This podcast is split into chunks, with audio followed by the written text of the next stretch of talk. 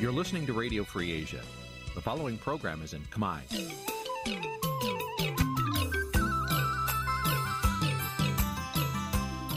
Nǐ chi càm bi tiệp xáy vệt chiu a zì sê ray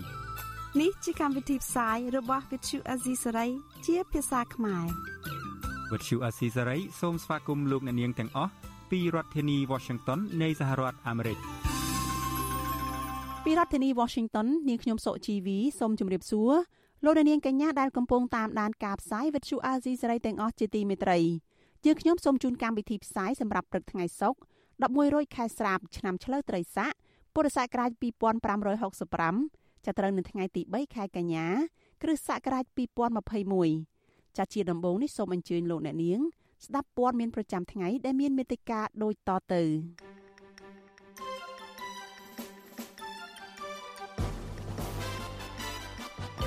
ក្រុមអ្នកជំនាញសិទ្ធិមនុស្សរបស់អង្គការសហប្រជាជាតិអំពាវនាវឲ្យអាជ្ញាធរដោះលែងកុមារកើតជំងឺអូទីសឹមអង្គការមជ្ឈមណ្ឌលអាស៊ីរកឃើញថារដ្ឋាភិបាលប្រើគ្រប់មធ្យោបាយច្បាប់ ដើម្បីរឹតបន្តឹងសេរីភាពពលរដ្ឋនៅលើអ៊ីនធឺណិតអ្នកច្បាប់ថាបទញុះញង់ត្រូវតុលាការបកស្រាយឲ្យយឺតដោយកៅស៊ូដើម្បីប្រយោជន៍នយោបាយ សត្វគោក្របីរបស់ពលរដ្ឋជាង1000ក្បាលនៅខេត្តស្វាយរៀងកើតជំងឺដុំពកលើស្បែករួមនឹងព័ត៌មានផ្សេងៗមួយចំនួនទៀត។ចាជាបន្តទៅទៀតនេះនាងខ្ញុំសុជីវីសូមជូនព័ត៌មានទាំងនេះពិស្ដាចាលោកអ្នកនាងជាទីមេត្រីក្រុមអ្នកជំនាញសិទ្ធិមនុស្សអង្គការសហប្រជាជាតិអំពាវនាវឲ្យអាជ្ញាធរកម្ពុជា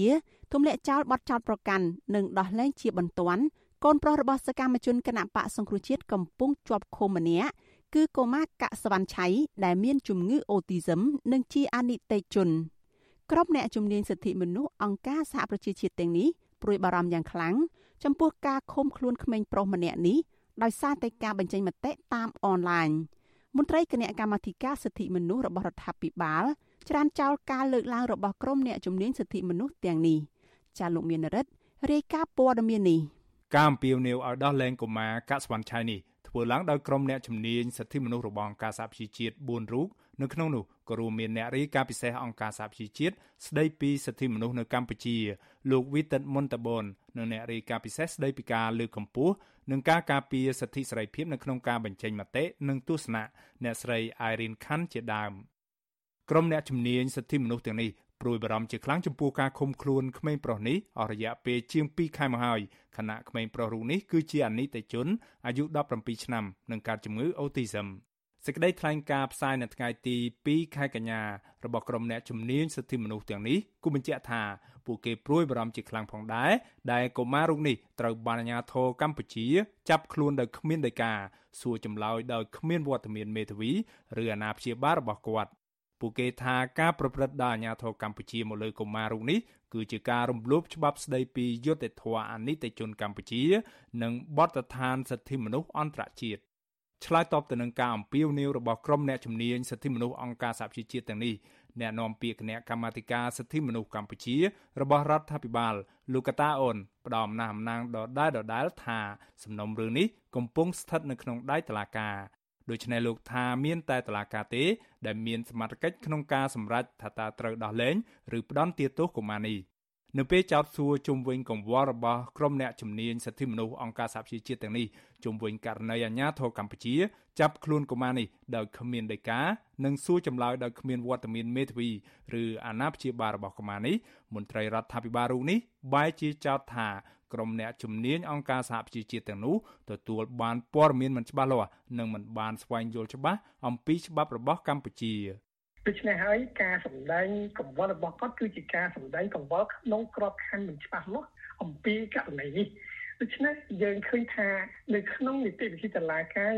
យើងក្នុងសំណុំរឿងព្រំប្រទាននេះបើសិនជាគាត់ជាអនិច្ចជនគាត់គួរតែមានអ្នកតំណាងផ្លូវច្បាប់ដើម្បីជួយករណីគាត់ ហើយនៅក្នុងក្រមព្រំប្រទាននៃប្រទេសកម្ពុជាក៏យើងបានចែងឲ្យដែរថាកុមារដែលមានអាយុក្រោម14ឆ្នាំអានឹងវាគ្មានទទួលទោសព្រំប្រទានទេប៉ុន្តែចាប់ពី14ទៅ18ឆ្នាំគាត់មានទទួលទោសព្រំប្រទានពាក់កណ្ដាលហើយពី18ទៅគឺជានីតិជនហើយ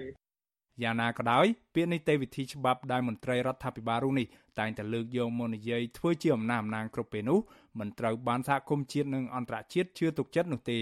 ដែលពួកគេចាត់ទុកថាគ្រាន់តែជាលេសដោះសារយករួចខ្លួនជាក់ស្ដែងកម្ពុជាជាប់លេខបាតតារាងជាប្រទេសពូកែខាងរំលោភច្បាប់ជាងគេ នៅលើពិភពលោកបើផ្អែកតាមសន្ទុះនៃការគោរពច្បាប់វាតម្លៃដោយអង្គការគម្រោងយុត្តិធម៌ពិភពលោកឆ្នាំ2021ក្រៅពីការអំពាវនាវឲ្យអាជ្ញាធរកម្ពុជាទម្លាក់ចោលការចោទប្រកាន់និងដោះលែងកុមារកាក់ស្វាន់ឆៃនេះ ក្រុមអ្នកជំនាញសិទ្ធិមនុស្សរបស់អង្គការសហប្រជាជាតិក៏អំពាវនាវឲ្យរដ្ឋាភិបាលកម្ពុជាធានាថាសិទ្ធិមនុស្សរបស់កុមាររូបនេះត្រូវបានការពារស្របតាមគោលការណ៍នៃឧត្តមផលប្រយោជន៍របស់កុមារដោយអនុលោមតាមអនុសញ្ញាស្តីពីសិទ្ធិកុមារអនុសញ្ញាស្តីពីសិទ្ធិជនពិការនិងច្បាប់កម្ពុជាពួកគេបញ្យល់ថាអនុសញ្ញាស្តីពីសិទ្ធិកុមារ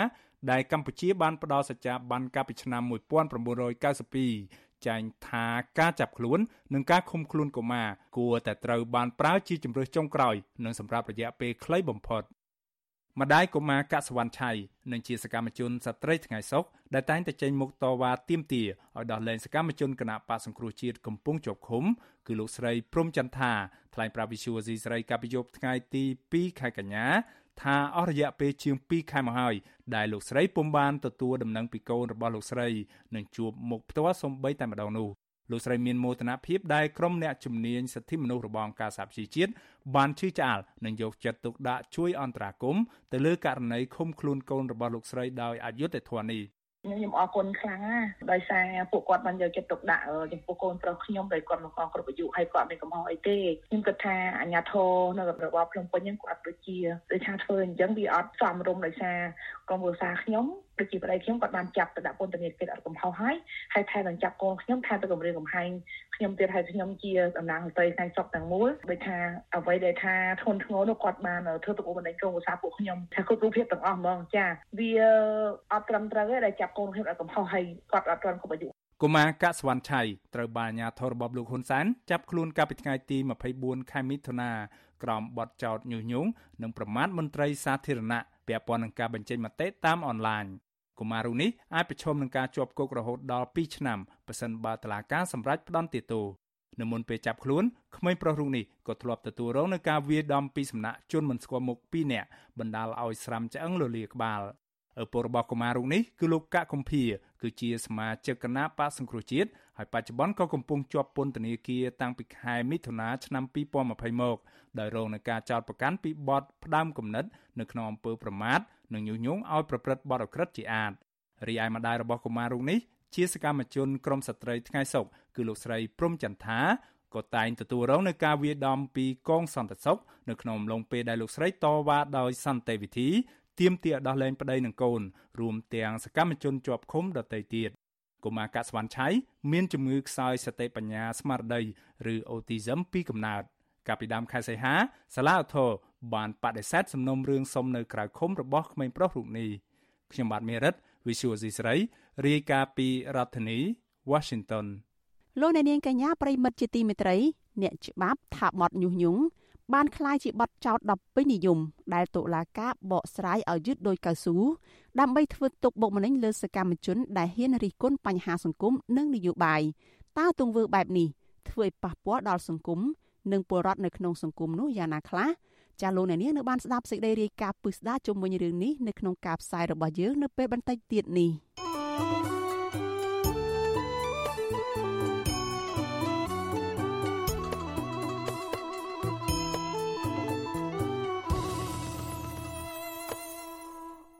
លោកអ្នកនាងកញ្ញាកំពុងតាមដានស្ដាប់ការផ្សាយរបស់ Vithu Azizi Saray ផ្សាយចេញពីរដ្ឋធានី Washington សហរដ្ឋអាមេរិក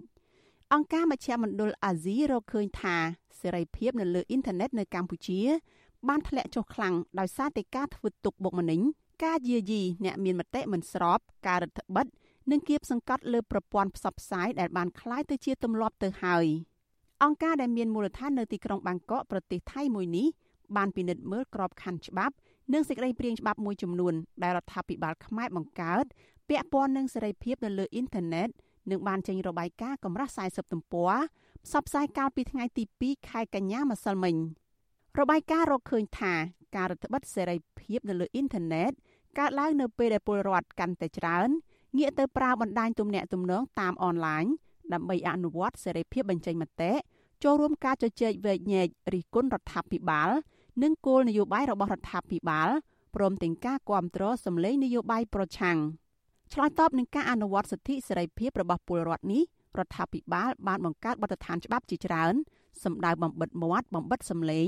អ្នកប្រើប្រាស់បណ្ដាញអនឡាញទាំងនោះនិងរាំងខ្ទប់លំហសេរីភាពនៅលើបណ្ដាញនេះដើម្បីរារាំងការគៀកោនិងការបើកដំណើរការនយោបាយដែលប្រឆាំងនឹងការគ្រប់គ្រងរបស់ខ្លួន របាយការណ៍របស់អង្គការមជ្ឈមណ្ឌលអាស៊ីដែលមានចំណងជើងថាសេរីភាពអ៊ីនធឺណិតនៅកម្ពុជា ច្រកទ្វារដែលត្រូវគ្រប់គ្រង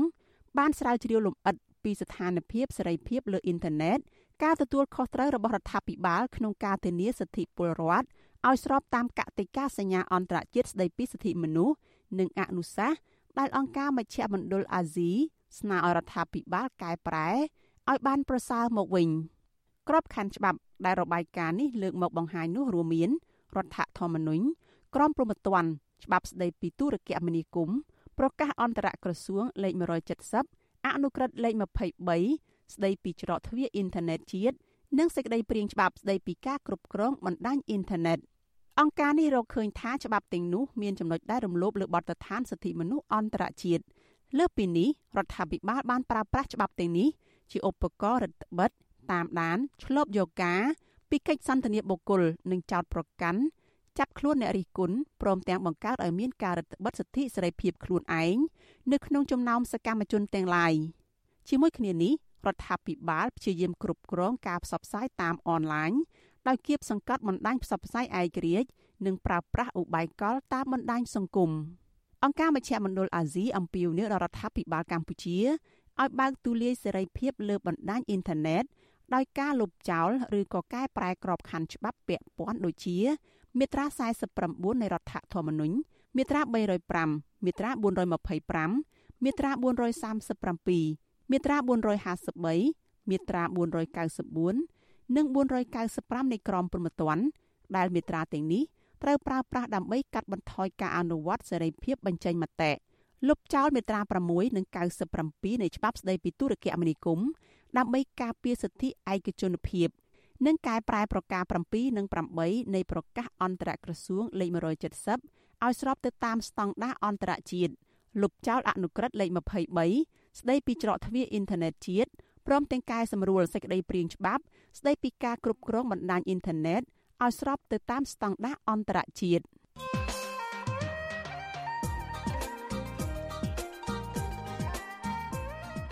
ចាលោកអ្នកនាងជាទីមេត្រីអ្នកធ្វើការផ្នែកសិទ្ធិមនុស្សរកឃើញថាការរដ្ឋបិទនិងរំលោភបំពានសិទ្ធិសេរីភាពក្នុងការសម្ដែងមតិលើអ្នកប្រើប្រាស់បណ្ដាញសង្គមពីសំណាក់អាជ្ញាធររដ្ឋាភិបាលនៅរយៈពេល6ខែដើមឆ្នាំ2021នេះគឺមានចំនួនគួរឲ្យកត់សម្គាល់អ្នកទាំងនោះរងការចាប់ខ្លួនឃុំខ្លួននិងត្រូវបានគេបង្ខំឲ្យធ្វើកិច្ចសន្យាសុំទោសនៅពេលពួកគេហ៊ានប្រើប្រាស់បណ្ដាញសង្គមរិះគន់បញ្ហាក្នុងសង្គម តើការរដ្ឋបတ်សេរីភាពបញ្ចេញមតិតាមបណ្ដាញសង្គមនេះបណ្ដាលឲ្យមានផលអវិជ្ជមានអ្វីខ្លះដល់សង្គមជាតិចាសសូមលោកនាងរងចាំស្ដាប់និងទស្សនាកិច្ចពិភាក្សានេះនៅក្នុងវេទិកាអ្នកស្ដាប់វិទ្យុអាស៊ីសេរីនៅយប់ថ្ងៃសុក្រទី3ខែកញ្ញានេះកុំបីខានប្រសិនបើលោកអ្នកនាងចង់សួរភ្ញៀវរបស់យើងដោយផ្ទាល់លោកអ្នកនាងអាចដាក់លេខទូរស័ព្ទរបស់លោកអ្នកនាងនៅក្នុងខ្ទង់ comment ឬប្រអប់សារ Messenger Facebook និង YouTube របស់ Vuthu Azizi Serai ដែលកំពុងផ្សាយផ្ទាល់នៅពេលនេះចាស់ក្រុមការងាររបស់យើងនឹងហៅទៅលោកអ្នកនាងវិញលោកអ្នកនាងកំពុងតាមដានការផ្សាយរបស់ Vuthu Azizi Serai ផ្សាយចេញពីរដ្ឋធានី Washington សហរដ្ឋអាមេរិកប្រជាពលរដ្ឋនិងអ្នកខ្លំមើលសង្គមនៅតែចាត់ទុកថាករណីឃុំខ្លួននិងដកហូតសិទ្ធិនយោបាយរបស់លោកកឹមសុខា រយៈពេល4ឆ្នាំមកនេះគឺជារឿងនយោបាយបើទោះបីជារបបក្រុងភ្នំពេញ ព្យាយាមការពារចំណាត់ការនេះថាជាការអនុវត្តច្បាប់ក្តីពួកគាត់យល់ថាការដែលរបបលោកហ៊ុនសែនបង្កើតលេសធ្វើបាបលោកកឹមសុខាដើម្បីរក្សាអំណាចនេះនឹងកាន់តែធ្វើឲ្យកម្ពុជាជួបគ្រោះធំដូចជាទទួលរងនៅទណ្ឌកម្មសេដ្ឋកិច្ចបន្ថែមទៀតនិងការបែកបាក់ជាតិធ្ងន់ធ្ងរប្រជាពលរដ្ឋដែលគាំទ្រគណៈបកសង្គ្រោះជាតិនៅតែបន្តទាមទាររបបលោកហ៊ុនសែនផ្ដល់សិទ្ធិសេរីភាពពេញលេញជូនលោកកឹមសុខា និងឲ្យគណៈបកសង្គ្រោះជាតិដំណើរការឡើងវិញដើម្បីផលប្រយោជន៍ជាតិនិងប្រជាពលរដ្ឋការទៀមទានេះធ្វើឡើងចំខួប4ឆ្នាំនៃការចាប់ឃុំខ្លួននិងការដកហូតសិទ្ធិសេរីភាពរបស់មេបកប្រឆាំងដ៏មានថ្មីមាត់រូបនេះអ្នកគាំទ្រគណៈបកសង្គ្រោះជាតិម្នាក់រស់នៅខេត្តកំពតលោកស៊ុំចំណានថ្លែងថាចំណាត់ការលើលោកកឹមសុខា រយៈពេល4ឆ្នាំមកនេះគឺជារឿងអយុត្តិធម៌បំផុតសម្រាប់គាត់ព្រោះការចោទប្រកាន់នេះគឺគ្មានមូលដ្ឋាន និងអូសបន្លាយពេលនៅក្នុងការរកដំណោះស្រាយជាបន្តបន្ទាប់លោកយល់ថាប្រសិនបើរដ្ឋាភិបាល នៅតែដកហូតសិទ្ធិនយោបាយរបស់លោកកឹមសុខាមិនឲ្យចូលរួមការបោះឆ្នោតនៅក្នុងឆ្នាំ2022និងឆ្នាំ2023ខាងមុខនេះសហគមន៍ជាតិនិងអន្តរជាតិនឹងមិនទទួលស្គាល់លទ្ធផលបោះឆ្នោតដោយកាលពីឆ្នាំ2018 ហើយនឹងដាក់ទណ្ឌកម្មសេដ្ឋកិច្ចលើកម្ពុជាបន្ថែមទៀតជុំវិញរឿងដែលតឡាការចោតប្រកាន់ហើយឲ្យកងកម្លាំងទៅចាប់លោកធានកម្មសុខារយៈពេល4ឆ្នាំនេះខ្ញុំថាវាជារឿងអយុត្តិធម៌បាទព្រោះអីរយៈពេល4ឆ្នាំហើយតឡាការមិនទាន់រកភ័ស្តុតាងនឹងអង្គហេតុណាមួយបញ្ជាក់ថាគាត់បាត់ជាតិនៅឡើយសូមឲ្យតឡាការពន្លឿននីតិវិធីនៃការដោះស្រាយជាមួយគ្នានេះសកម្មជនគណៈបកសង្គ្រោះជាតិនៅឯខេត្តកំពង់ចាមលោកស្រីគិនស្រីអូន នៅតែចាត់ទុកថាចំណាត់ការលើលោកកឹមសុខារយៈពេល4ឆ្នាំមកនេះគឺជាល្បិចកលនយោបាយរបស់គណៈបកកាន់អំណាចដើម្បីរារាំងមេបកប្រឆាំងរូបនេះមិនឲ្យធ្វើនយោបាយព្រោះខ្លាចចាញ់ឆ្នោតលោកស្រីយល់ថាលោកកឹមសុខាគួរតែរើបំរាស់ដើម្បីដាក់សម្ពាធឲ្យរបបលោកហ៊ុនសែនប្រគល់សេរីភាពពេញលេញជូនលោកវិញព្រោះលោកស្រីថាវិធីរក្សាភាពស្ងៀមស្ងាត់របស់លោកសពថ្ងៃដើម្បីរងចាំក្តីសន្តោសពីជនផ្ដាច់ការនោះ ទំនងជាមិនបានផលឡើយ។ទស្សនៈខ្ញុំបើសិនខ្ញុំជារូបគាត់វិញខ្ញុំមិនអាចនៅស្ងៀមទេខ្ញុំត្រូវរើមប្រាស់រកវិធីអីដើម្បីឲ្យមានដំណោះស្រាយចេញពីក្នុងចិត្តរបស់យើងដើម្បីឲ្យវិជាប្រវត្តិកុំឲ្យបាក់ទឹកចិត្តឲ្យកោសកម្មជនបាក់ទឹកចិត្តទីមួយបើសិននៅស្ងៀមមើលថានិយាយពីអារឿងច្បាប់នៅស្រុកខ្មែរវិញស្ងៀមក៏ងាប់រើប្រាស់ក៏ងាប់ខ្ញុំសូវចិត្តនៅរើបំរាស់ឲ្យឲ្យស្លាប់ហ្មងប៉ុន្តែគាត់មិនអាចធ្វើបានទេបើសិនយើងអត់មានធ្វើសកម្មភាពអីមួយផងមិនគេដាក់ពានរង្វាន់យកមកឲ្យយើងស្ងៀមស្ងៀមឲ្យគណៈបកប្រឆាំងរស់ឡើងវិញ អញ្ញាធររបបលហ៊ុនសែនសម្រុកចូលចាប់ខ្លួនលោកកឹមសុខាទាំងកណ្ដាលអាត្រៀតឈានចូលថ្ងៃទី3ខែកញ្ញាឆ្នាំ2017ក្នុងពេលលោកកំពុងមានអភ័យឯកសិទ្ធិសភា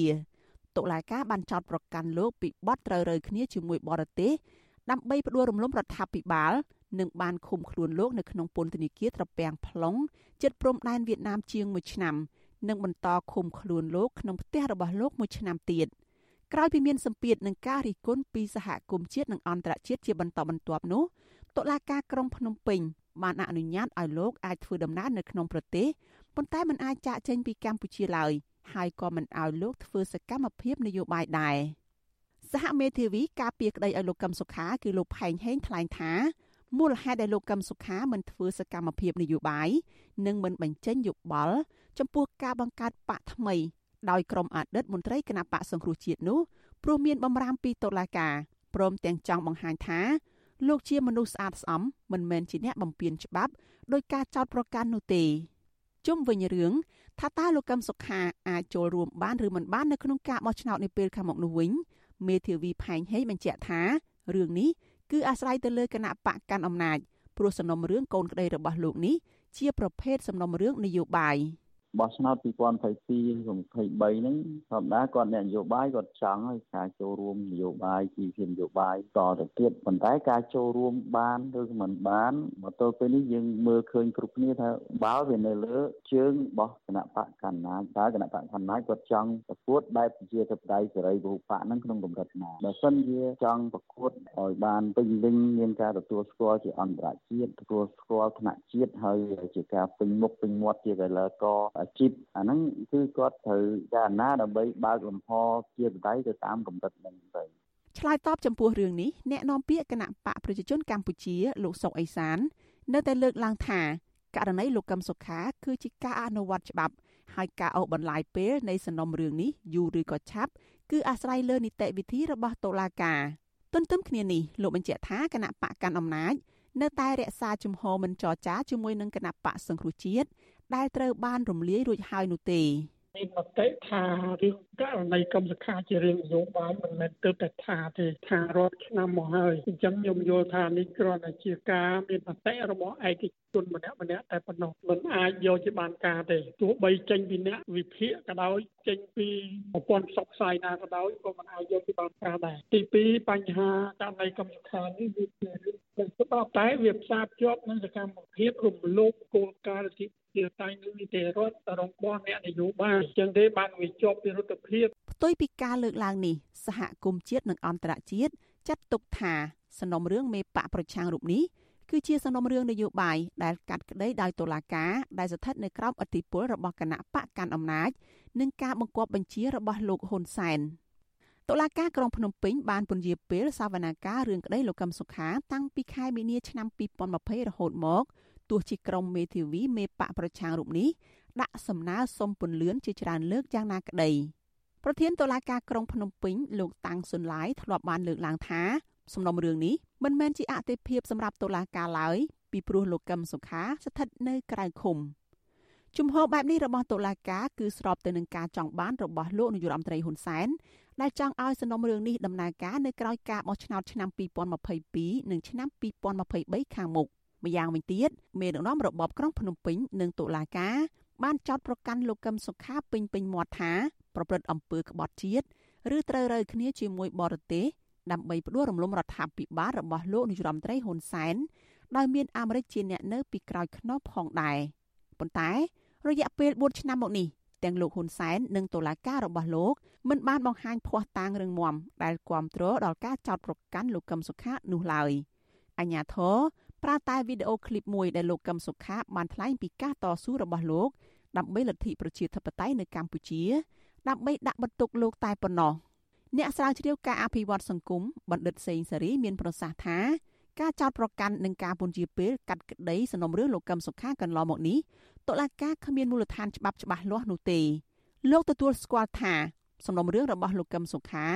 ជាសំណុំរឿងនយោបាយដូច្នេះ ប្រសិនបើអ្នកនយោបាយពិតជាធ្វើនយោបាយដើម្បីផលប្រយោជន៍ជាតិពិតមែននោះ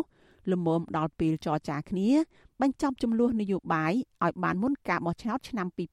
2022និងឆ្នាំ2023ដើម្បីបញ្ជាទណ្ឌកម្មសេដ្ឋកិច្ចពីអន្តរជាតិ បើសិនជាក្នុងករណីលោកកឹមសុខាបន្តខ្ញុំគិតថាផលប៉ះពាល់ពីគម្លាតស្កតអន្តរជាតិក៏នៅតែបន្តដែរយើងកាន់តែរឹបអន្តរជាតិកាន់តែរឹបហើយនិយាយបែបនេះមិនមែនមានន័យថាយើងពឹងលើអន្តរជាតិទេប៉ុន្តែយើងរាល់ថ្ងៃនេះយើងអត់មានយន្តការក្រៅទៅពីយន្តការអន្តរជាតិទេដោយសាររដ្ឋាភិបាលគ្រប់គ្រងយន្តការអស់ហើយតឡាការកោជបស្អីស្អីហ្នឹងអស់ហើយហើយគណៈបកសង្គ្រោះជាតិហ្នឹងគឺត្រូវបានរំលាយទៅទៀតអ្នកនយោបាយហើយនិងអ្នកគ្រប់គ្រងនយោបាយជាងកន្លះប្រទេសហ្នឹងគឺអត់មានសិទ្ធិសេរីភាពអីទេដូច្នេះផលប៉ះពាល់នៃបរិយាកាសនយោបាយនេះវាអាចប៉ះពាល់ទៅដល់សេដ្ឋកិច្ចកម្ពុជាខ្លាំងណាស់អំឡុងពេលដែលកម្ពុជាក៏កំពុងតែប្រឈមជាមួយនឹងរឿង COVID-19 ឈមជាមួយនឹងការបាត់បង់ EBA ជាដើមបើទោះបីជាលោកកឹមសុខាមិនបានធ្វើសកម្មភាពនយោបាយក្តីក៏លោកតែងតែចុះតាមបណ្ដាខេត្តដើម្បីចែកអំណោយជូនប្រជាពលរដ្ឋក្រីក្រ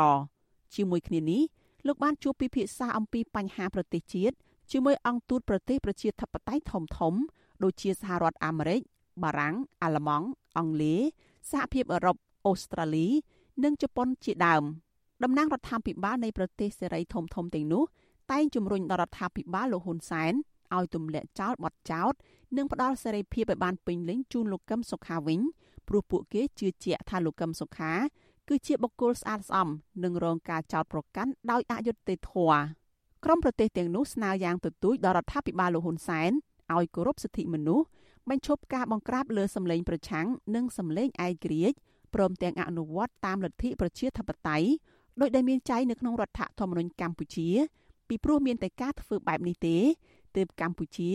អាចទទួលបានផលប្រយោជន៍ផ្នែកសេដ្ឋកិច្ចពាណិជ្ជកម្មនិងអភិបាលកិច្ចពីពួកគេបន្តទៀត។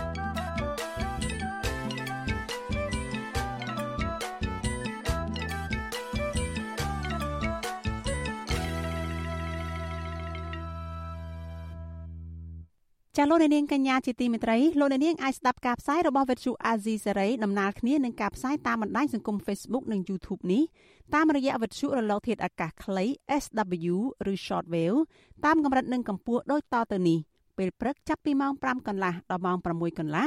តាមរយៈរលកធាតុអាកាសខ្លី9940 kHz ស្មើនឹងកម្ពស់ 30m ពេលយប់ចាប់ពីម៉ោង7កន្លះដល់ម៉ោង8កន្លះតាមរយៈរលកធាតុអាកាសខ្លី 9960 kHz ស្មើនឹងកម្ពស់ 30m និង11240 kHz ស្មើនឹងកម្ពស់ 25m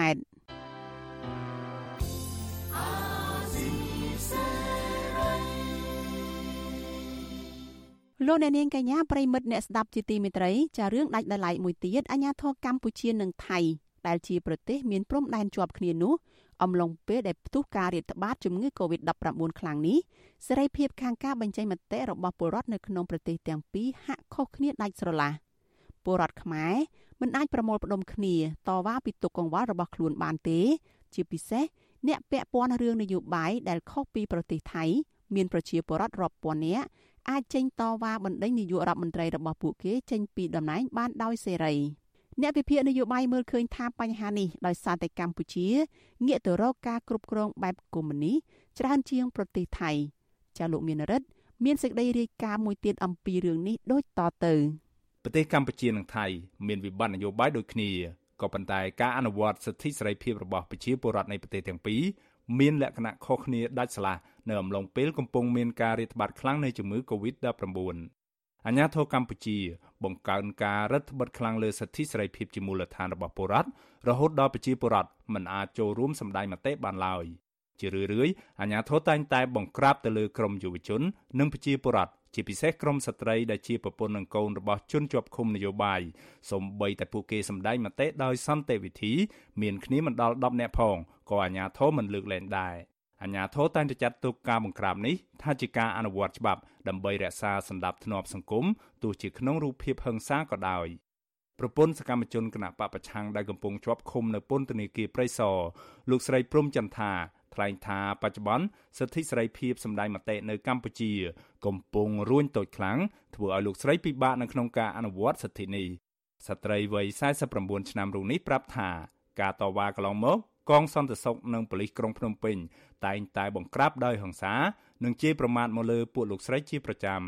លោកស្រីបញ្ជាក់ថាការតវ៉ាកន្លងមកគឺដោយសារមិនពេញចិត្តទៅនឹងតុលាការដែលបានចាប់ប្តីនិងកូនរបស់ពួកលោកស្រីដាក់ពន្ធនាគារដោយអយុត្តិធម៌ធ្វើគ្រប់រូបភាពទាំងអស់ប៉ុន្តែពួកខ្ញុំនៅតែមិនខ្លាចដដែលចាដោយសារអ្វីដែលជំរុញឲ្យគឺការជឿចាប់ហើយនឹងអាទឹកចិត្តយើងដែលពីរងអំពើអយុត្តិធម៌សម្រាប់ក្រុមឧស្សាហ៍ពួកខ្ញុំចឹងពួក ខ្ញុំត្រូវតែតវ៉ាដែលមិនរៀថយមិនញញើតហើយក៏មិនខ្លាចនឹងការគម្រាមកំហែងទោះជាគាត់ចាប់ក៏ខ្ញុំក៏អត់ខ្លាចដែរទន្ទឹមនឹងនេះអាជ្ញាធរខ្មែរហាក់ឆ្លៀតឱកាសនៃការរាតត្បាតជំងឺ Covid-19 បង្ក្រាបមកលើពលរដ្ឋទាំងឡាយដែលមានមតិផ្ទុយពីរដ្ឋាភិបាលដោយសំបីតែកសិកររិះគន់អាជ្ញាធរពាក់ព័ន្ធទៅនឹងការទិញផ្លែមៀនឬផ្លែតង្កែនតាមបណ្ដាញសង្គម Facebook ក៏អាជ្ញាធរចាប់ដាក់ពន្ធនាគារបានដែរ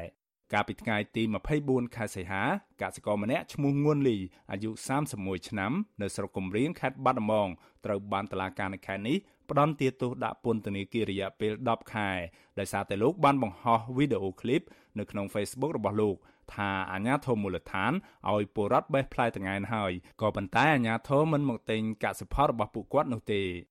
ចាប់តាំងពីឆ្នាំ2019រហូតមកទល់ពេលនេះ អាជ្ញាធរបានចាប់ខ្លួនសកម្មជនយុវជន និងសកម្មជននយោបាយសរុបជិត90នាក់ដាក់ពន្ធនាគារដែលភ ieck ច្រើនអាជ្ញាធរចាត់ប្រកាន់ពួកគេពីបទញុះញង់ទាក់ទងនឹងបញ្ហានេះអ្នកនាំពាក្យគណៈកម្មាធិការសិទ្ធិមនុស្សកម្ពុជារបស់រដ្ឋាភិបាលលោកកតាអូនប្រវិសុយស៊ីស្រីថាការចាប់ចងអស់ទាំងនេះគឺជាការអនុវត្តច្បាប់ ដែលលោកអះអាងថាពួកគេបានប្រព្រឹត្តខុសច្បាប់ធ្ងន់ធ្ងរប្រទេសមួយមួយយើងមានច្បាប់ នៃប្រទេសរៀងខ្លួន យើងមិនអាចវិតម្លៃ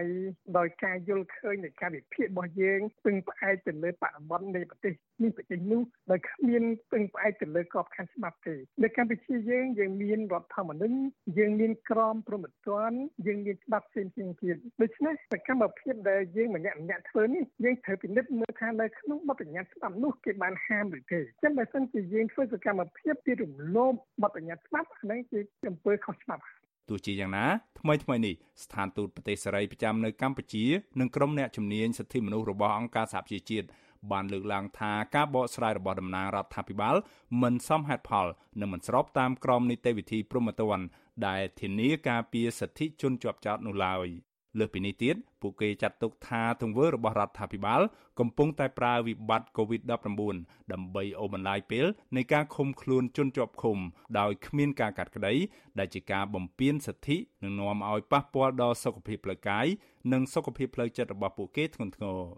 ងាកមកមើលប្រទេសថៃវិញម្ដងនៅក្នុងរយៈពេល2ខែចុងក្រោយនេះមានអ្នកឆ្លងជំងឺ Covid-19 ចន្លោះពីជាង14000នាក់ទៅជាង20000នាក់នៅក្នុងមួយថ្ងៃ គឺច្រើនជាងកម្ពុជាដែលមានអ្នកឆ្លងប្រមាណពី400នាក់ទៅជាង1000នាក់នៅក្នុងមួយថ្ងៃអ្វីត្បិតតែប្រទេសថៃមានចំនួនអ្នកឆ្លងជំងឺ Covid-19 ច្រើនជាងប្រទេសខ្មែរដល់ទៅ10ដងយ៉ាងនេះក្តីក៏រដ្ឋាភិបាលនៃប្រទេសថៃបើកឲ្យប្រជាពលរដ្ឋរបស់គេអាចសម្ដែងមតិតាមដងផ្លូវបានដោយសេរីដែរបច្ចុប្បន្នមានយុវជនថៃប្រមាណពី2000នាក់ទៅ5000នាក់នៅក្នុងមួយថ្ងៃចេញធ្វើបាតកម្មតវ៉ាតាមដងផ្លូវនៅកណ្ដាលទីក្រុងបាងកក ពួកគេទាមទារឲ្យនាយករដ្ឋមន្ត្រីថៃលោកប្រាយុទ្ធច័ន្ទអូចាចុះចេញពីតំណែងដោយសារតែប្រាជ័យនៅក្នុងការទប់ស្កាត់ការឆ្លងរាលដាលនៃជំងឺ Covid-19 ដែលធ្វើឲ្យសេដ្ឋកិច្ចរបស់ប្រទេសថៃធ្លាក់ចុះកន្លងមកក្រុមបាតកោបានប៉ះទង្គិចជាមួយប៉ូលីសជាញឹកញាប់ដែរក៏ប៉ុន្តែពួកគេនៅតែអាចធ្វើសកម្មភាពសម្ដែងមតិបានដដែលនិងមានសកម្មភាពផលផុសថែមទៀតផង ការតវ៉ានេះ ពលរដ្ឋថៃបានដាក់ឧបករណ៍បំពងសម្លេងហើយផ្លាស់ប្ដូរគ្នាឡើងបញ្ចេញមតិអមដោយការប្រគំតន្ត្រីនៅតាមដងវិថីសំខាន់សំខាន់នៅក្រុងបាងកកจะมีการอภิปรายไม่ไว้วางใจพลเอกประยุทธ์จันโอชานายกรัฐมนตรี ตั้งแต่สองกันยายนเราจะพบกันใจกลางมหานครอภิปรายไม่ไว้วางใจเที่ยวนี้ เราจะให้สอสอตัดสินใจ ว่าคุณจะเลือกใครระหว่างประยุทธ์ประยุทธ์กับประชาชนពលករខ្មែរម្នាក់ធ្វើការនៅប្រទេសថៃដែលតែងតែចុះឃ្លាំមើលពលរដ្ឋថៃធ្វើបាតកម្មតវ៉ានៅទីក្រុងបាងកកលោកជឹមសុផាតថ្លែងថាលោកពេញចិត្តនឹងយុវជនថៃដែលបាននាំគ្នាសម្ដែងមតិតវ៉ាទាមទារឲ្យមេដឹកនាំរបស់គេចុះចេញពីតំណែងលោកបញ្ជាក់ទៀតថាការតវ៉ានេះ មិនមែនពលរដ្ឋថៃក្លាហានជាងពលរដ្ឋខ្មែរនោះទេក៏ប៉ុន្តែដោយសារតែអាញាធរថៃផ្ដល់សិទ្ធិសេរីភាពដល់ប្រជាពលរដ្ឋរបស់ពួកគេច្រើនជាងនៅកម្ពុជា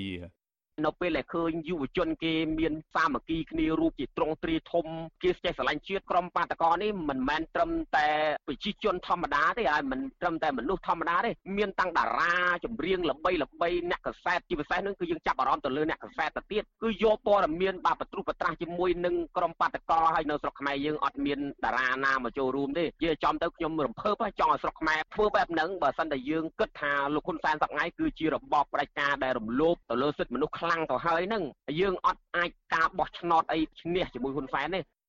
ក្រៅពីបើកសិទ្ធិដល់ពលរដ្ឋខ្លួនហើយអាជ្ញាធរថៃក៏បើកសិទ្ធិឲ្យជនជាតិដទៃទៀតដែលកំពុងស្នាក់នៅក្នុងប្រទេសថៃអាចប្រមូលផ្ដុំគ្នាសម្ដែងមតិតវ៉ាបានដែរប៉ះសិនបើពួកគេជួបប្រទះនៅបញ្ហាអ្វីមួយជាទីហោជាក់ស្ដែងពលករខ្មែរជាច្រើនអ្នកធ្លាប់បានប្រមូលផ្ដុំគ្នាតវ៉ា ដាក់ញត្តិនៅមុខក្រសួងការងាររបស់ថៃជាច្រើនដងដើម្បីសុំឲ្យអាជ្ញាធរថៃជួយដោះស្រាយបញ្ហារំលោភសិទ្ធិការងាររបស់ពួកគាត់អ្នកវិភាគនយោបាយបណ្ឌិតឡើងមង្ហៃមើលឃើញថាមូលហេតុដែលការបញ្ចេញមតិរបស់ពលរដ្ឋកម្ពុជាខុសពីពលរដ្ឋថៃគឺដោយសារតែស្ថាប័នតុលាការនៅប្រទេសថៃឯករាជ្យមិនស្ថិតនៅក្រោមសម្ពាធរបស់អ្នកនយោបាយដូចនៅកម្ពុជា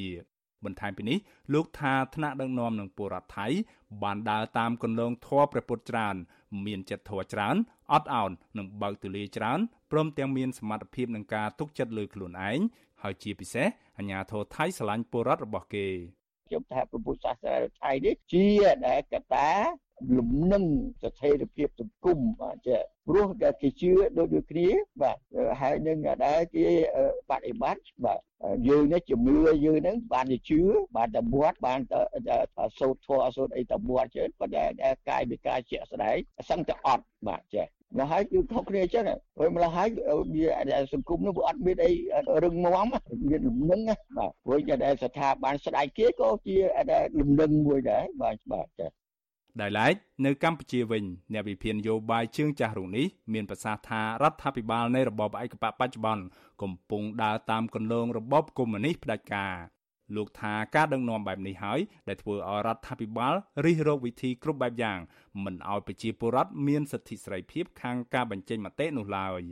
ចឹងហើយបានជាគេឲ្យសារៈសំខាន់ទៅលើកងប្រដាប់អាវុធមើលដូចថប់ថ្ងៃនេះតើគេឲ្យសារៈសំខាន់ទៅដល់កងទ័ពយ៉ាងម៉េចហើយនឹងដែលនគរបាលប្រដាប់អាវុធយ៉ាងម៉េចព្រោះអានឹងជាឧបករណ៍ដើម្បីយកអំណាចផងដើម្បីដែលត្រួតត្រងរក្សាការពារអំណាចពង្រឹងអំណាចថែមទៅទៀតទៅហើយគឺនរណាដែលជំទាស់ឬមួយក៏ធ្វើឲ្យរង្គោះគឺអំណាចរបស់គេទៅគេសម្លាប់ឬចាប់ចងអីចឹងទៅហើយច្បាប់នេះគឺច្បាប់កុម្មុយនីសគឺដើម្បីប្រឆាំងនឹងកំតិចដែលអ្នកតេទៀនអ្នកប្រឆាំងនឹងដែលអំណាចរបស់នឹងវណ្ណៈអធនបាទចា៎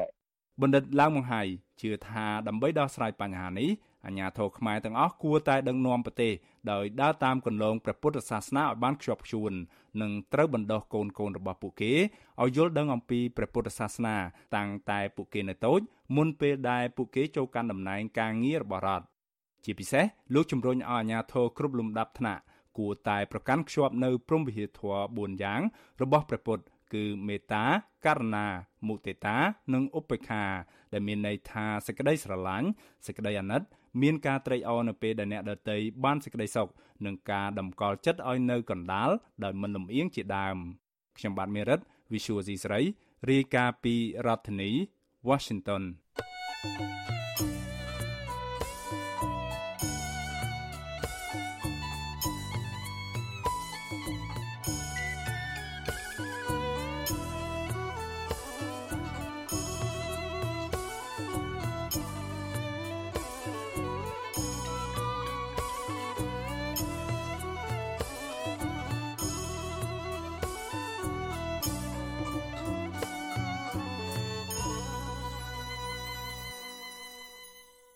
ចាលោកអ្នកនាងជាទីមេត្រីសេចក្តីរាយការណ៍ពីខេត្តព្រះវិហារឲ្យដឹងថាប្រជាសហគមន៍ការពារព្រៃព្រះរកានៅក្នុងខេត្តនេះ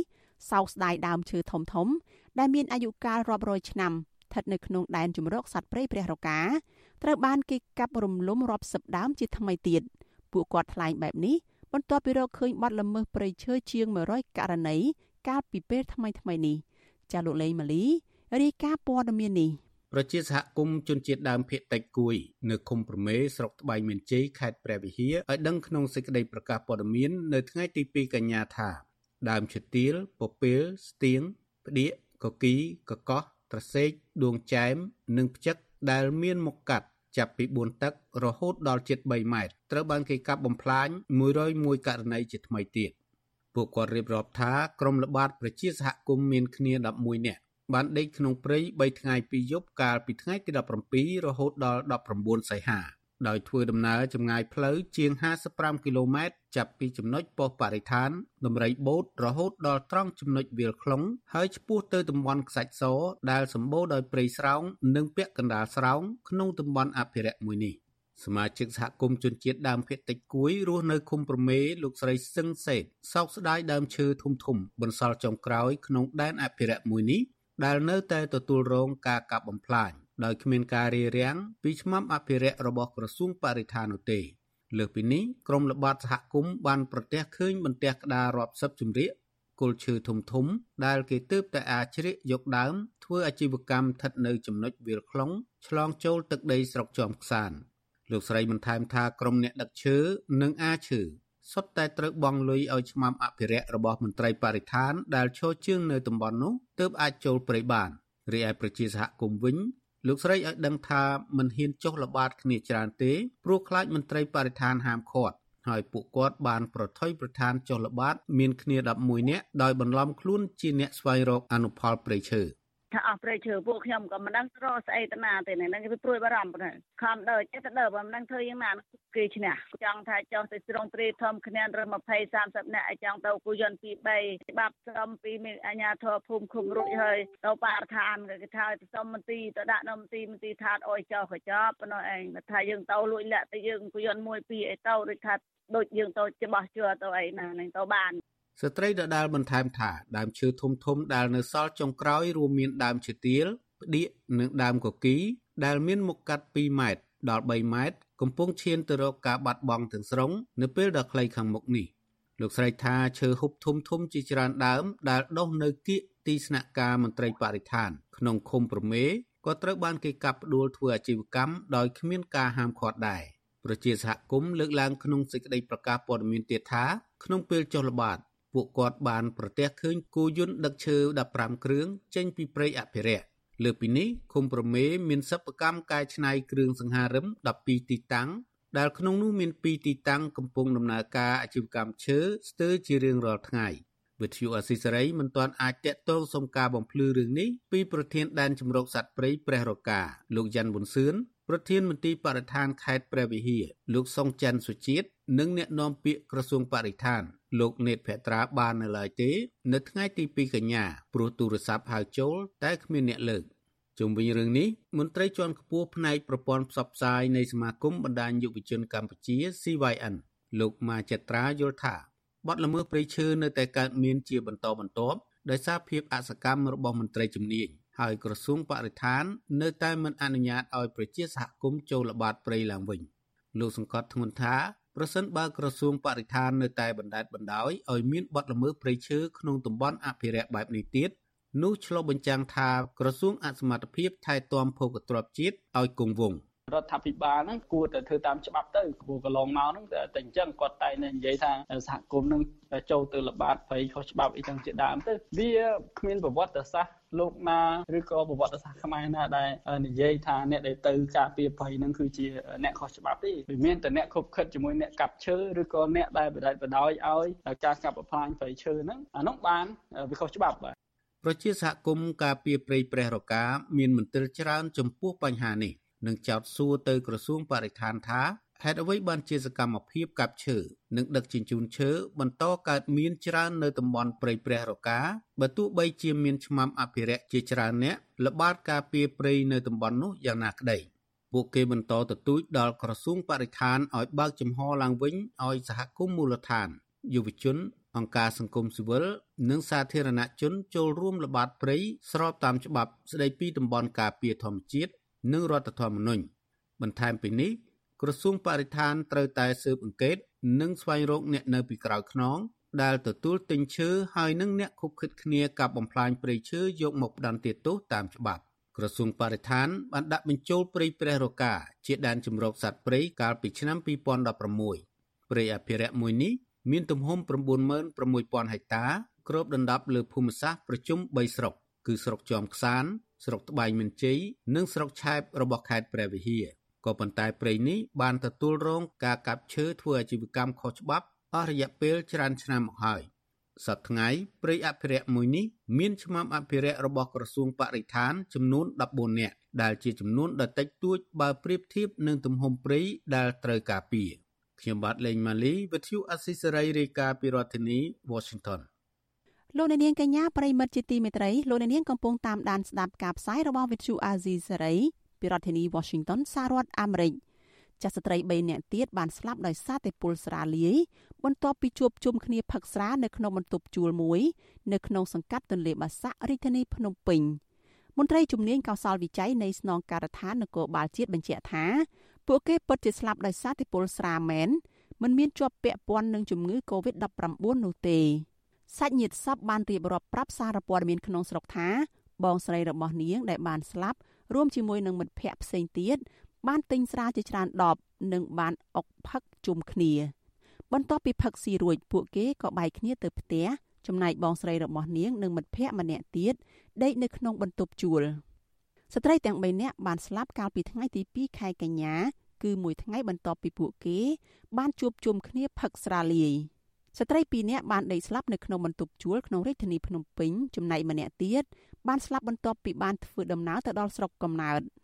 សេចក្តីជូនដំណឹងរបស់នាយកដ្ឋានការពារអ្នកប្រាប្រាស់កិច្ចការប្រកួតប្រជែងនិងបង្ក្រាបការក្លែងបន្លំរបស់ក្រសួងពាណិជ្ជកម្មចេញផ្សាយកាលពីថ្ងៃទី31ខែឧសភាបញ្ជាក់ថាចាប់តាំងពីឆ្នាំ2016ដល់ឆ្នាំ2020មានករណីពុលស្រាជាបន្តបន្ទាប់នៅក្នុងខេត្តមួយចំនួនដូចជាខេត្តពោធិ៍សាត់ខេត្តក្រចេះ ខេត្តបន្ទាយមានជ័យនិងខេត្តកំពង់ឆ្នាំងដែលបានធ្វើឲ្យមនុស្សចំនួន28នាក់បានស្លាប់និងអ្នករងគ្រោះរាប់រយនាក់ផ្សេងទៀត។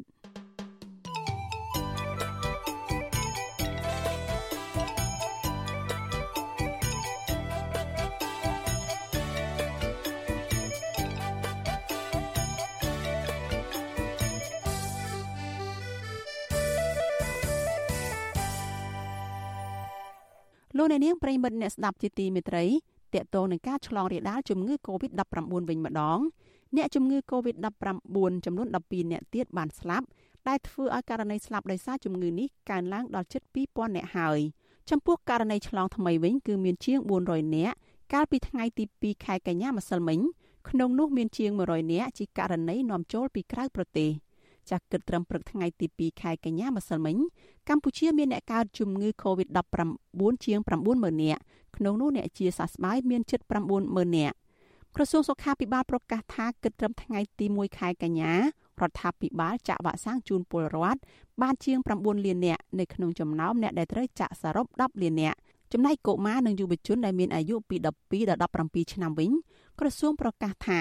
ចាក់វ៉ាក់សាំងបានជាង1លាន5សែននាក់ក្នុងចំណោមអ្នកដែលត្រូវចាក់សរុបជិត2លាននាក់ចលនានាងជាទីមេត្រីសេចក្តីរាយការណ៍ពីខេត្តស្វាយរៀងឲ្យដឹងថាអាជ្ញាធរខេត្តនេះប្រកាសថាសត្វគោក្របីរបស់ពលរដ្ឋជាង1000ក្បាលនៅតាមបណ្ដាស្រុកក្រុងចំនួន7កំពុងមានជំងឺដុំពកលើស្បែកដែលជាសញ្ញាហានិភ័យខ្ពស់នៃការឆ្លងរាលដាលជាលក្ខណៈទ្រង់ទ្រាយធំក្នុងរយៈពេល3ខែចុងក្រោយនេះ រដ្ឋបាលខេត្តស្វាយរៀងបានណែនាំឲ្យស្ថាប័នពាក់ព័ន្ធចាត់វិធានការបន្ទាន់ដើម្បីត្រួតពិនិត្យនិងទប់ស្កាត់ការឆ្លងរីករាលដាលនៃជំងឺដុំពកលើស្បែកគោក្របី ដែលអាចបង្កផលប៉ះពាល់យ៉ាងធ្ងន់ធ្ងរទៅដល់សេដ្ឋកិច្ចរបស់គ្រួសារកសិករនិងសេដ្ឋកិច្ចរបស់ខេត្ត រដ្ឋបាលខេត្តបញ្ជាក់ថាវិធានការដែលត្រូវអនុវត្តគឺមន្ទីរកសិកម្មត្រូវបន្តជំរុញការអនុវត្តវិធានការចាំបាច់និងបន្ទាន់នានាដើម្បីបង្ការនិងទប់ស្កាត់ការឆ្លងរាលដាលនៃជំងឺដុំពកស្បែកគោក្របីដោយត្រូវតាមដានស្រាវជ្រាវយ៉ាងម៉ត់ចត់និងជាប្រចាំលើសុខភាពសត្វគោក្របីនៅទូទាំងខេត្តនឹងត្រូវអនុវត្តវិធានការជីវសុវត្ថិភាពអនាម័យនៅគ្រប់ទីកន្លែងចិញ្ចឹមសត្វ កន្លែងប្រមូលផ្ដុំសត្វគោក្របី និងទីផ្សារគោក្របីរដ្ឋបាលខេត្តស្វាយរៀងក៏បានជំរុញឲ្យស្ថាប័នពាក់ព័ន្ធត្រូវពង្រឹងការត្រួតពិនិត្យរាល់ការចរាចរសត្វគោក្របីរស់ទឹកមេជីវិតបង្កកនិងផលិតផលសាច់គោក្របី ដែលនាំចូលគឺត្រូវមានវិញ្ញាបនបត្រអនាម័យពីប្រទេសនាំចេញនិងស្ថិតនៅក្រោមការត្រួតពិនិត្យសុខភាពសត្វនិងការធ្វើចាត់តល័យស័កពីមន្ត្រីជំនាញបសុពេទ្យអភិបាលខេត្តស្វាយរៀងលោកម៉ែនវិបុលបានលើកឡើងនៅក្នុងសេចក្តីណែនាំថា មេរោគបង្កជំងឺនេះមានភាពធន់នៅក្នុងបរិស្ថាន អាចរស់នៅក្នុងក្រមស្បែកស្ងួត រហូតដល់ទៅ3ខែទៅ6ខែ ក្នុងទ្រុងសត្វកខ្វក់និងគ្មានពន្លឺចេញចូលគ្រប់គ្រាន់ប៉ុន្តែមេរោគនេះងាយនឹងងាប់ដោយពន្លឺថ្ងៃជាតិអាស៊ីតជាតិបាសខ្ពស់និងបញ្ឈប់សកម្មភាពនៅសីតុណ្ហភាពចាប់ពី55អង្សាសេឡើងទៅ និងងាយកម្ចាត់ដោយសារទឹកសាប៊ូ ជំងឺដុំពកស្បែកសត្វគោក្របីនេះជាជំងឺបង្កដោយវីរុសជំងឺនេះកើតឡើងដោយមានលេចចេញនៅរោគសញ្ញាសំខាន់សំខាន់មួយចំនួនដូចជាមានដុំពកតូចជាច្រើននៅលើស្បែកនៃដងខ្លួនសត្វកញ្ចឹងក ច្រមុះក្រអូមមាត់ប្រដាប់ភេទកន្សោមដោះនិងកម្ដៅខ្លួនសត្វអាចឡើងដល់41អង្សាសេ ជំងឺដុំពកនេះអាចបង្កទៅជាក្រមោហើយបង្កទៅជាដំបៅចំពោះសត្វឈ្មោលអាចបាត់បង់សមត្ថភាពបង្កកំណើតហើយបើកើតលើមេផើវិញគឺអាចរលូតកូនជំងឺនេះអាចធ្វើឲ្យសត្វងាប់ភាគច្រើនចំពោះសត្វគោក្របីដែលខ្សោយជាពិសេសកូនសត្វតូចតូចជាទូទៅអត្រាសត្វឈឺគឺពី5ទៅ45%អត្រាសត្វងាប់គឺតិចជាង10% មួយទៀតតាមរយៈការប៉ះពាល់ផ្ទាល់និងដោយប្រយោលតាមរយៈភ្នាក់ងារចម្លងពពួកសត្វបឺតចិញ្ចក់ឈាម ដូចជារុយមូសកង្កែបរបោមមធ្យោបាយដឹកជញ្ជូនចំណីសត្វទឹកមេជីវិតបង្កកបរិស្ថាន និងភ្នាក់ងារចម្លងផ្សេងផ្សេងទៀតអគ្គនាយកនៃអគ្គនាយកដ្ឋានសុខភាពសត្វនិងផលិតកម្មសត្វនៃក្រសួងកសិកម្មរុក្ខាប្រមាញ់និងនេសាទលោកតាន់ផាន់ណារ៉ាប្រាប់សារព័ត៌មានក្នុងស្រុកថាគិតត្រឹមថ្ងៃទី1ខែកញ្ញា វ៉ាក់សាំងបង្ការជំងឺដុំពកសត្វគោក្របីចំនួន20000ដូសត្រូវបានចែកចាយទៅតាមបណ្ដារាជធានីខេត្តចំនួន23ដែលមានការឆ្លងរាលដាលជំងឺនេះការបែងចែកវ៉ាក់សាំងនេះគឺធ្វើឡើងទៅតាមស្ថានភាពឆ្លងជាក់ស្ដែងនិងចំនួនសត្វគោក្របីនៃខេត្តនីមួយៗដោយក្នុងមួយខេត្តទទួលបានចន្លោះពី500ដូសទៅ2000ដូសលោកថាវ៉ាក់សាំងនេះគឺជាវ៉ាក់សាំងដែលបានបញ្ជាទិញពីប្រទេសវៀតណាមជាបន្ទាន់ចំនួន20000ដូស ក្រសួងកសិកម្មរុក្ខាប្រមាញ់និងនេសាទឲ្យដឹងថាបច្ចុប្បន្នជំងឺដុំពកគោក្របី បានធ្វើឲ្យប៉ះពាល់និងធ្វើឲ្យសត្វគោចំនួនជាង30000ក្បាលបានឈឺហើយវាបានរីករាលដាលយ៉ាងលឿនពីបណ្ដាខេត្តជាប់ព្រំដែនថៃមកតំបន់ទំនាបកណ្ដាលនៃប្រទេសកម្ពុជា ជាពិសេសនៅខេត្តត្បូងឃ្មុំកំពង់ចាមនិងខេត្តព្រៃវែង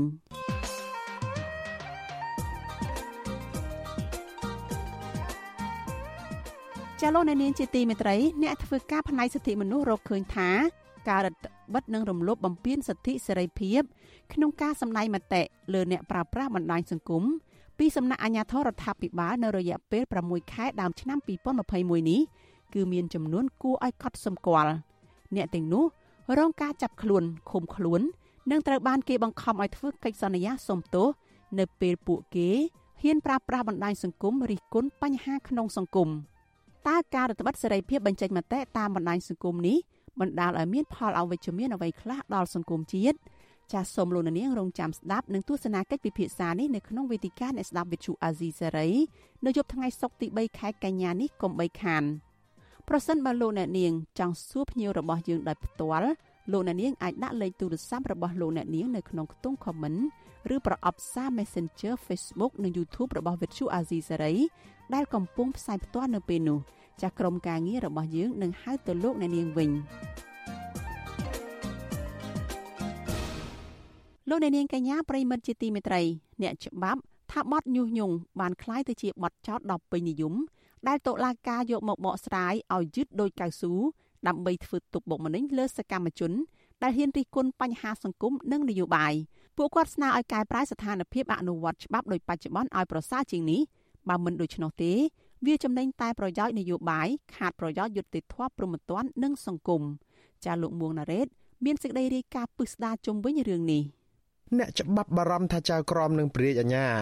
ហាក់ដូចជាបំពេញក្រម ដែលហាមការបកស្រាយច្បាប់តាមសន្តិសភាពឬក៏ភាពប្រហាក់ប្រហែល លោកមេធាវីផែងហេងថាច្បាប់ហាមការបកស្រាយច្បាប់ដូចទាញឲ្យយឺតដូចកៅស៊ូព្រោះបើធ្វើដូច្នេះគឺបង្ហាញឲ្យឃើញថាចៅក្រមនឹងព្រាយអាញាលំអៀងខាងនយោបាយក្នុងការបកស្រាយច្បាប់ដើម្បីចោទប្រកាន់មនុស្សក្នុងអាករណីបកស្រាយបែបហ្នឹងវាទល់ប្រភេទបទល្មើសឧក្រិដ្ឋក្បត់ជាតិធំធំប៉ុន្តែបើត្រឹមបត់មជ្ឈិមបត់អីគេមិនខំពឹងប្រជេវាមិនខុសពីអពតដែលថាសុកចិត្តស្លាប់ខុសមិនឲ្យដោះលែងខុសនោះ ជាទូទៅរាល់ច្បាប់នីមួយៗតែងតែមានកំណត់ហេតុនៃការជជែកដេញដោលគ្នាពេលបង្កើតច្បាប់ដូច្នេះលោកមេធាវីផែងហេងថាការបកស្រាយច្បាប់គឺត្រូវធ្វើយ៉ាងណាឲ្យនៅត្រឹមកម្រិតនៃខ្លឹមសារនៃការជជែកតាក់តែងមាត្រាច្បាប់នឹងតែប៉ុណ្ណោះកម្ពុជាឆ្លងកាត់របបដឹកនាំបែបកុម្មុយនីសផ្ដាច់ការជាហូរហែហេតុដូច្នេះហើយទើបច្បាប់របស់តុលាការកម្ពុជាភាគច្រើនកើតចេញពីប្រព័ន្ធច្បាប់កុម្មុយនីសនិងចាស់គំរិល ប្រធានក្រុមអ្នកច្បាប់អមរិនលោកមេធាវីសុកសំអឿនថាលោកសង្កេតឃើញថាតឡាការបកស្រាយច្បាប់ហាក់ដូចជាដើម្បីចាប់សកម្មជនដាក់ពន្ធនាគារជាជាងបកស្រាយវាដើម្បីជាប្រយោជន៍យុត្តិធម៌និងសេរីភាពប្រទេសខ្លះគេជប់ប្រើពាក្យហ្នឹងហើយគេជប់ប្រើពាក្យញុះញង់ណាគេប្រើពាក្យផ្សេងវិញដូចជាលើកទឹកចិត្តឬក៏ជំរុញញ៉ៃណាអីវិញណា ដល់ហើយយើងនៅប្រើច្បាប់ចាស់ដដែលដល់អញ្ចឹងទៅតុលាការយើងវាវាចេញពីដែលប្រព័ន្ធច្បាប់កុម្មុយនីសយ៉ាងណាព្រោះយើងអតីតរបស់យើងយើងនៅក្នុងរដ្ឋកម្ពុជាយើងប្រើប្រព័ន្ធច្បាប់សង្គមនិយមកុម្មុយនីសអញ្ចឹងទៅទស្សនៈវាមានការចង្អៀតហើយការតឡាការបកស្រាយគឺមិនផ្អៀងទៅរកសិទ្ធិសេរីភាពប្រជាប្រដ្ឋទេគឺផ្អៀងទៅរកការចោទប្រកាន់ អាចដោយសារតែការបកស្រាយច្បាប់ផ្អៀងទៅរកការចោទប្រកាន់ដើម្បីចាប់មនុស្សដាក់ពន្ធនាគារនេះទើបធ្វើឲ្យសកម្មជនសង្គមនិងនយោបាយជាច្រើន តែងតែជាប់ទោសពីបទញុះញង់នេះយុវជនបញ្ចប់ថ្នាក់បរិញ្ញាបត្រជាន់ខ្ពស់ផ្នែកច្បាប់និងជាមន្ត្រីកម្មវិធីនៃមជ្ឈមណ្ឌលប្រជាពលរដ្ឋដើម្បីអភិវឌ្ឍនិងសន្តិភាព។លោកហេងកំហុងមិនភ្ញាក់ផ្អើលនៅក្នុងរឿងនេះទេព្រោះលោកថាប្រទេសកម្ពុជាមិនមែនជាប្រទេសប្រជាធិបតេយ្យដោយអ្វីដែលមានចែងនៅលើក្រដាសនោះទេ ព្រោះប្រព័ន្ធច្បាប់ជាតិនៅមានភាពទន់ខ្សោយដែលជាអំណោយផលដល់អ្នកនយោបាយនៅក្នុងការប្រាស្រ័យប្រព័ន្ធតុលាការដើម្បីវាយប្រហារនិងធ្វើបាបប្រជាពលរដ្ឋខ្លួនឯងជាទូទៅនៅក្នុងសង្គមដែលពុំមានប្រជាធិបតេយ្យមាំទាំឬក៏មានប្រជាធិបតេយ្យទុនជ្រាយហ្នឹងជាទូទៅអ្នកដឹកនាំនយោបាយដែលជាមនុស្សដែលស្រឡាញ់អំណាចជាងស្រឡាញ់ទូនីតិវិភារកិច្ចបម្រើប្រជាពលរដ្ឋហ្នឹងតែងតែធ្វើទុកបុកម្នេញទៅលើក្រុមសកម្មជន ជាពិសេសក្រុមអ្នកដែលនិយាយការពិតឥតការពារហ្នឹងបាទគឺជាក្រុមមួយដែលជា target សម្រាប់ការធ្វើទុកបុកម្នេញពីសំណាក់ក្រុមដែលស្រឡាញ់អំណាចឬក៏ក្រុមអ្នកដែលមានការព្រួយបារម្ភថាសកម្មជនសង្គមនឹងនឹងបើកកាយអំពីកំហុសខុសឆ្គងរបស់ខ្លួនទៅកាន់សាធារណជនឲ្យបានឃើញអំពីដំបៅឬក៏របួសឬក៏ស្លាកស្នាមដែលខ្លួនខំលាក់យូរយារណាស់ហើយបាទ បើទោះបីជាយ៉ាងនេះក្តីប្រធានអង្គភិបអ្នកណែនាំពាក្យរដ្ឋាភិបាលគឺលោកផៃស៊ីផានធ្លាប់មានប្រសាសន៍ថាបទញុះញង់នេះមានសារៈសំខាន់ណាស់ដើម្បីរក្សាស្ថិរភាពនយោបាយសន្តិសុខនិងសន្តិភាពនៅកម្ពុជា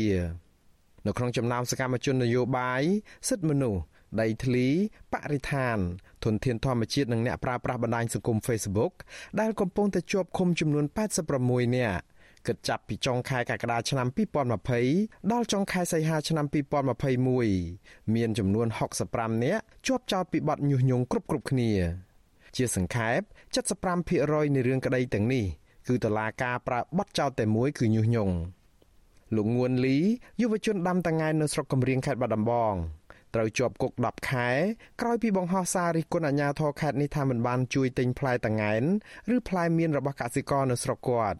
តឡាការចោតប្រកាន់គាត់ពីបទញុះញង់ឲ្យប្រព្រឹត្តបទក្រិតជាអាតលោកនីណាអ្នកប្រើប្រាស់បណ្ដាញសង្គម Facebook ជាប់គុក16ខែក្រោយបង្ហោះសាររិះគន់រដ្ឋាភិបាលដោយប្រើពាក្យទិញម៉ាស់ពាក់ឲ្យកូនមន់បទចោតនៅក្នុងរឿងនេះគឺញុះញង់ឲ្យប្រព្រឹត្តបទក្រិតជាអាតដែរលោកធុនចន្ទថាជាប់ឃុំតាំងតែពីខែកុម្ភៈក្រោយបង្ហោះសាររិះគន់រឿងវាក់សាំងចិនគ្មានគុណភាពលោកជាប់ចោតពីបទញុះញង់ឲ្យប្រព្រឹត្តបទអក្រិតជាអាតដែរ សកម្មជនសិទ្ធិការងារនិងជាអ្នកឃ្លាំមើលបញ្ហាព្រំដែនលោករងឈុនជាប់ពន្ធនាគារ2ឆ្នាំដោយសារតែសេចក្តីថ្លែងការណ៍អំពីបញ្ហាព្រំដែនកម្ពុជាវៀតណាមបាត់ចោតគឺញុះញង់ឲ្យប្រព្រឹត្តអំពើបង្កឲ្យមានភាពវឹកវរធ្ងន់ធ្ងរដល់សន្តិសុខសង្គមយុវតីមេដាធម្មជាតិកញ្ញាឡុងគុន្ធា និងភួនកែវរស្មីនិងលោកថនរដ្ឋាជាប់ឃុំមួយឆ្នាំទៅហើយដោយសារតែយុទ្ធនាការសុំកុំឲ្យអាជ្ញាធរលុបបង្កតមកបទចោតគឺញុះញង់ នេះគ្រាន់តែជាការរៀបរាប់ត្រួសត្រាសអំពីករណីចោតប្រកាន់ដោយប្រើបទចោតញុះញង់ក្នុងចំណោម65ករណីនោះតែប៉ុណ្ណោះទាំងអ្នកច្បាប់និងមន្ត្រីអង្គការសង្គមស៊ីវិលស្នើឲ្យចៅក្រមនិងព្រះរាជអាជ្ញាបកស្រាយច្បាប់យ៉ាងណាឲ្យលំអៀងទៅខាងប្រយោជន៍សេរីភាពការគោរពសិទ្ធិមនុស្សនិងភាពយុត្តិធម៌សង្គមជាងនេះទៅទៀតនៅក្នុងករណីដែលមន្ត្រីតុលាការនៅតែបកស្រាយច្បាប់ឲ្យយឺតដោយកៅស៊ូបែបនេះ ពួកគាត់ស្នើឲ្យធ្វើវិសោធនកម្មច្បាប់ត្រង់មាត្រាអំពីការញុះញង់ទាំងនេះឬក្រុមប្រឹក្សាធម្មនុញ្ញបកស្រាយឲ្យលម្អិតដើម្បីបញ្ជាការយកមេត្រាច្បាប់នេះមកធ្វើទុកបុកម្នេញសកម្មជននិងប្រជាពលរដ្ឋសំខាន់ជាងនេះពួកគាត់ស្នើថាដើម្បីពង្រឹងស្ថាប័នតុលាការឲ្យឯករាជ្យគឺទាល់តែមន្ត្រីតុលាការត្រូវឈលលើគោលការណ៍ឯករាជ្យជៀសវាងអកតេ ឬក៏ភាពលំអៀងទាំង4ដើម្បីកុំឲ្យប៉ះពាល់ដល់ខ្លឹមសារច្បាប់ផង និងដើម្បីប្រយោជន៍យុត្តិធម៌និងប្រព័ន្ធតុលាការរឹងមាំផងខ្ញុំបាទមុងណារ៉េត With you Asisari ប្រធានាធិបតី Washington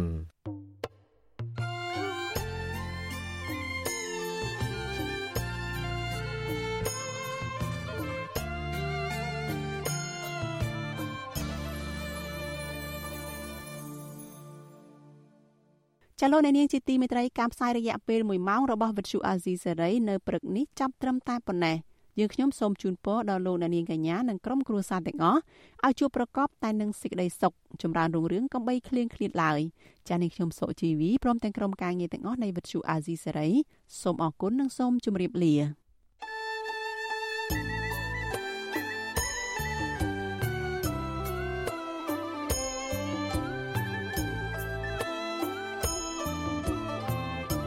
ទ្យុអាស៊ីសេរីផ្សាយតាមរលក ធាតុអាកាសខ្លីឬ short wave តាមកម្រិតនិងកម្ពស់ដូចតទៅនេះពេលព្រឹកចាប់ពីម៉ោង5កន្លះដល់ម៉ោង6កន្លះតាមរយៈរលក ធាតុអាកាសខ្លី9940 40 kHz ស្មើនឹងកម្ពស់ 30m